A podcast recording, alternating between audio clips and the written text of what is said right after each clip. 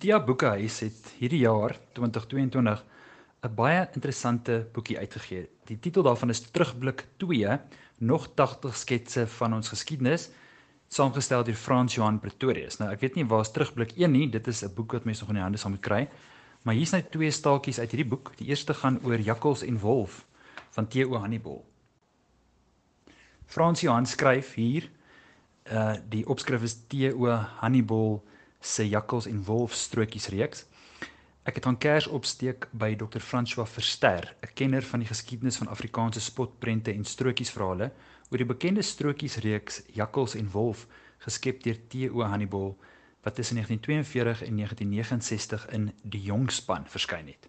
Ons kinders het 'n geslag later groot geword met Dana Nehaus se wonderlike vertellings van die Jakkals en Wolf stories op kaset.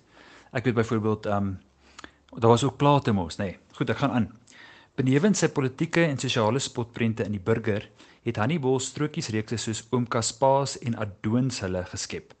Toe vra Truida Pool, later die eggenote van NP van Wyk Lou, hom om 'n strokiesreeks vir kinders in die jongspan te begin. Daar verskyn dit toe 27 jaar lank in die kindertydskrif. Die jakkals en wolf stories was Afrikaanse dierefabels. Die karakters en milieu was Afrikaans en is in strokiesvorm as vervolgverhale aangebied met teks en beeld. 'n Opvoedkundige lyn was aanwesig en dit het gewoonlik ook 'n duidelike sedeles aan die einde gehad. Daar's nie wolwe in Afrika nie. Hannibal se wolf lyk soos 'n Europese wolf en dan het hy hierdie wetenskaplike naam vir die Europese wolf, dis Canis lupus. Sy jakkals het aanvanklik soos 'n Europese vos, dis nou Vulpes vulgaris gelyk maar uiteindelik het hy meer die voorkoms van 'n Afrika jakkals gekry. Hannibal se reeks is op die Europese siening van die slim jakkals en die dom wolf geskoei.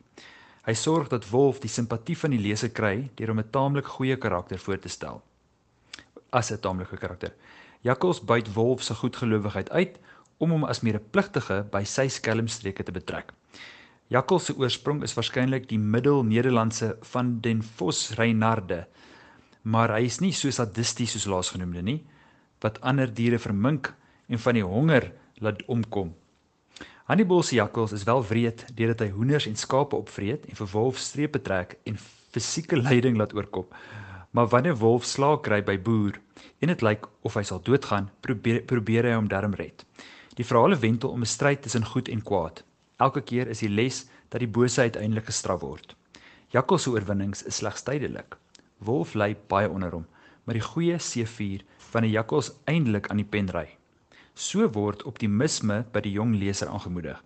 Humor word doeltreffend benut met mimiek, gesigsuitdrukkings en komiese nabootsing van gebare en mense se optrede op 'n manier wat kinders kan verstaan. Poetse word gereeld gebak. Hannibal was trouens 'n waarnemer van mense want sy diere karakters tree meer op soos mense as diere. Jong mense kan met inheemse diere identifiseer, soos 'n bobbejaan, 'n skilpad en 'n muishond. U sal dalk van die tradisionele stories onthou, jakkals wat kastig 'n rots regop hou en wolf vra om by hom oor te neem, wolf wat in die kraalmuur vassit of die twee wat hulle met ster of die twee wat met hulle stert visvang. Dis ou Wes-Europese verhale wat Hannibal Hannibal oorgeneem het. Hy het ook verhale van 'n uh, Eusebius 600 voor Christus afgekyk soos jakkals wat probeer om die hoenderhaan uit die boom te lok, maar meestal is dit eg Afrikaanse stories. Jakkals en wolf is 'n stukkie Afrikaanse kultuur om op trots te wees. 'n Ander iets wat ek met julle wil deel is um Afrikaans hoor meisies en seuns skool wat 2 jaar gelede 100 jaar oud geword het. Hy sê dit is gepas om aandag te gee aan die ontstaansgeskiedenis van die Afrikaans hoër seunskool en Afrikaanse hoër meisieskool Pretoria wat in 2020 100 jaar oud is en uit die staanspoor Afrikaans. 'n Skool ontstaan omdat daar in die betrokke gemeenskap 'n behoefte daaraan bestaan. So was dit met die Afrikaanse Hogere Skool in Pretoria in 1920. Die Anglo-Boereoorlog het in sy nasleep onvoorspelbare verwoesting en armoede in Transvaal meegebring. Deels as gevolg waarvan daarvan was daar 'n verstedeliking wat die behoefte aan onderwysfasiliteite vergroot het. Hoewel die Afrikaner vanweë sy getalle polities in beheer was, moes hy ekonomies en kultureel die knie voor Britse meerderwaardigheid buig. Geslagte lank sou hy die arm blanke wees. Kultureel kon hy nie die mas opkom teen 'n eeue-oue Britse kultuur nie, veral omdat hy nie Nederlands magtig was nie en Afrikaanse letterkunde gering was. Die Vrede van Vereniging in 1902 en Lord Milner se verengelsing beleid het verseker dat die voertaal in die skole Engels was. Kinders wat in die klas Afrikaans gepraat het, is eenvoudig verneder. Die tweede taalbeweging rondom 1905 met poesie soos Eugene Marais se Winternag het bewys dat Afrikaans as literêre taal lewensvatbaar was, maar Afrikaners moes ervaar hoe sowel Engelssprekendes as Nederlandsgesinde Afrikaners die kombuistaal verag het. 'n Bitter geveg aan twee fronte. Gustav Preller en ander het in 1905 die Afrikaanse Taalgenootskap in Pretoria gestig om Afrikaners te oortuig om hulle taal te praat en te skryf en 'n Afrikaanse nasionale gevoel te ontwikkel. Die meerderheid lede van die Suid-Afrikaanse Akademie vir Taal, Lettering en Kunst wat in 1909 gestig is, sou uiteindelik Afrikaans bo Nederland verkie Nederlands verkies. Met uniewording in 1910 was die amptelike tale Engels en Nederlands. Afrikaans het nog dus nie gefigureer nie. 2 jaar later het die vereniging van onderwysers en onderwyseressen in Suid-Afrika aangedui dat Afrikaans as onderrigtaal ingevoer behoort te word. Dit is met ander woorde in 1912.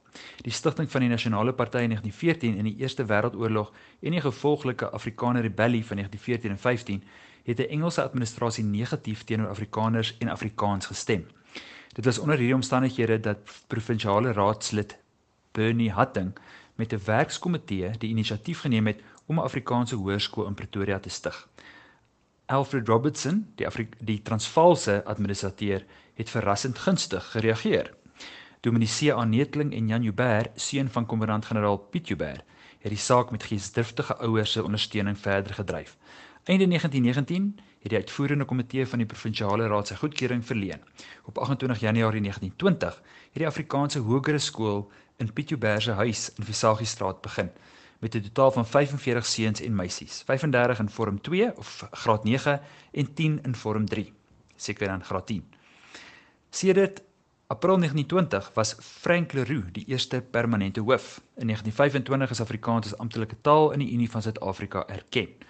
Toe die Afrikaanse hoërskool met 314 leerdlinge uit sy na te bars, het verlossing in Januarie 1927 gekom toe die nuwe skoolgebou in Bondstraat in Clydesdale betrek is. As gevolg van steeds groot wo groter wordende getalle, het die skool 'n jaar later oor kan die pad na 'n groter skoolgebou in College Lane, nou Linwoodweg, getrek wat in 1922 vir Oost-Eind Hoërskool gebou is. In 'n ruilproses het Oost-Eind Hoërskool na Bondstraat geskuif. Uiteindelik was Oost-Eind Hoër se getalle so klein omdat al minder Afrikaanse ouers hulle kinders in Nederlands wou laat onderrig en het die Afrikaanse hoërskool se getalle terselfdertyd so skerp toegeneem dat die onderwysdepartement besluit het om die Afrikaanse hoërskool in 'n afsonderlike seuns en meisieskool te verdeel en Oost-Eind Hoërskool na 'n huis in Makkelneuk te skuif. So het die Afrikaanse Hoër Meisieskool Pretoria en die Afrikaanse Hoër Seunskool op 1 Januarie 1930 tot stand gekom. Gedurende die eerste 3 maande van 1930 was die seuns en die meisies in dieselfde gebou by Linwoodweg 1 totdat die meisies op 4 April 1930 terug is na die skoolgebou in Baanstraat terwyl die seuns by Linwoodweg 1 gebly het. En so is dit vandag nog. Bietjie geskiedenis oor Afrikaans en Afrikaanse spotprente uit die boek Terugblik 2, nog 80 sketse van ons geskiedenis deur Frans Johan Pretorius en is hierdie jaar uitgegee deur Protea Boekhuis.